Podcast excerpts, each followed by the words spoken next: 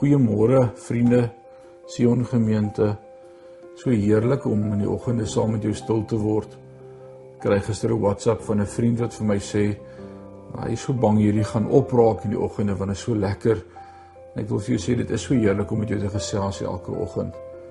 Vanmôre wil ek 'n vraag vra wat ek dink jy dalk al oor gewonder het. Die vraag is mors ons nie ons tyd om vir God te wag nie.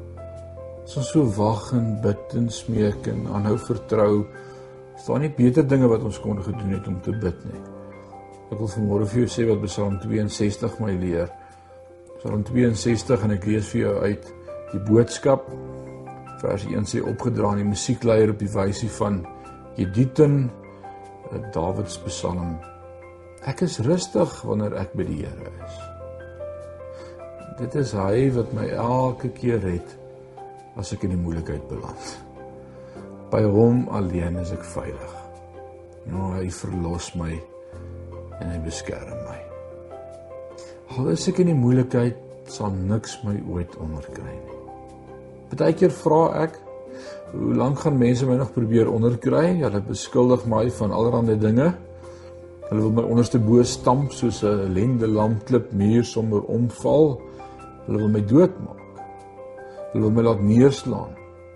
Daardie mense praat agteraf van my. Hulle vertel leuns. Hulle praat mooi woordjies maar binne-in dink hulle anders. Hulle lewe is vol slegte dinge. Ek het vir myself gesê, word stil en bly rustig by die Here. Om by hom te wees gee vir my hoop. Ek vertrou hom. Hy beskerm en red my. Hy is soos 'n wegkruip plek waar ek veilig is. Daarom sal niks my onderkry nie. Vir my is dit 'n groot eer om God se hulp te kan vra. Ek kry arms vol krag wanneer ek voor hom staan met my probleme. Ek soek veiligheid by my God. Kinders van die Here, julle moet altyd op hom vertrou. Praat julle hart leeg by hom. God is die een wat ons sal beskerm altyd. Hoor nou wat ek sê.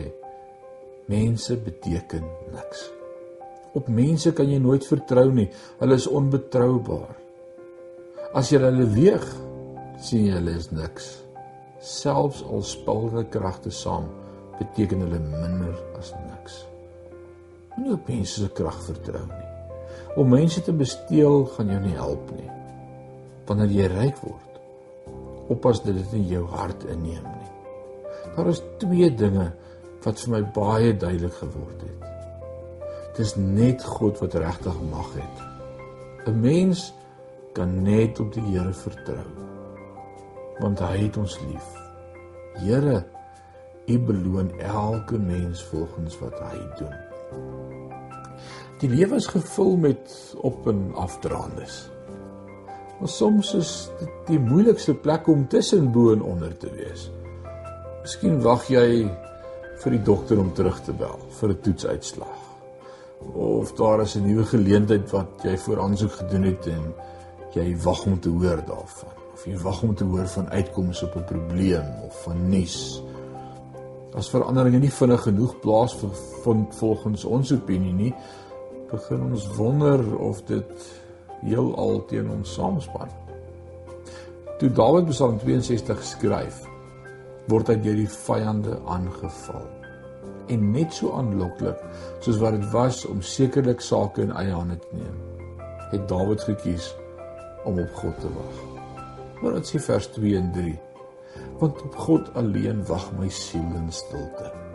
Van hom kom my heil. Hy alleen is my rots en my heil, my vesting. Hy sal beskud word. die veiligste plek om te wees as ons aangeval word is om op die Here te wag.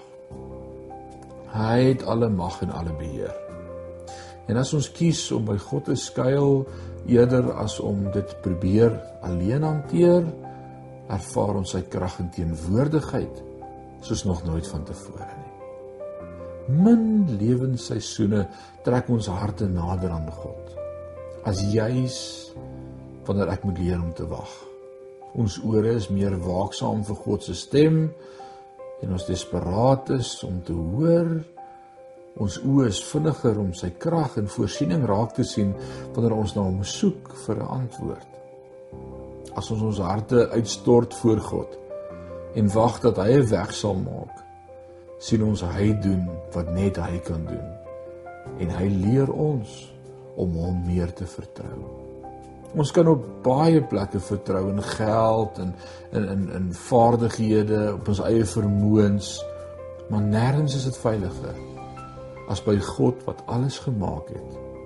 Alles weet en alles kan herstel. Vanmôre wil ek saam met jou oor hierdie Psalm 62 reflekteer en die vraag vra: Hoe reageer jy as dinge nie vir jou vinnig genoeg wil uitwerk nie? Is jy ongeduldig?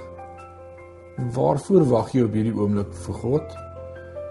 Wat is 'n stap wat jy vandag kan neem om jou geloof gedurende hierdie wagtyd op te bou en meer op God te vertrou?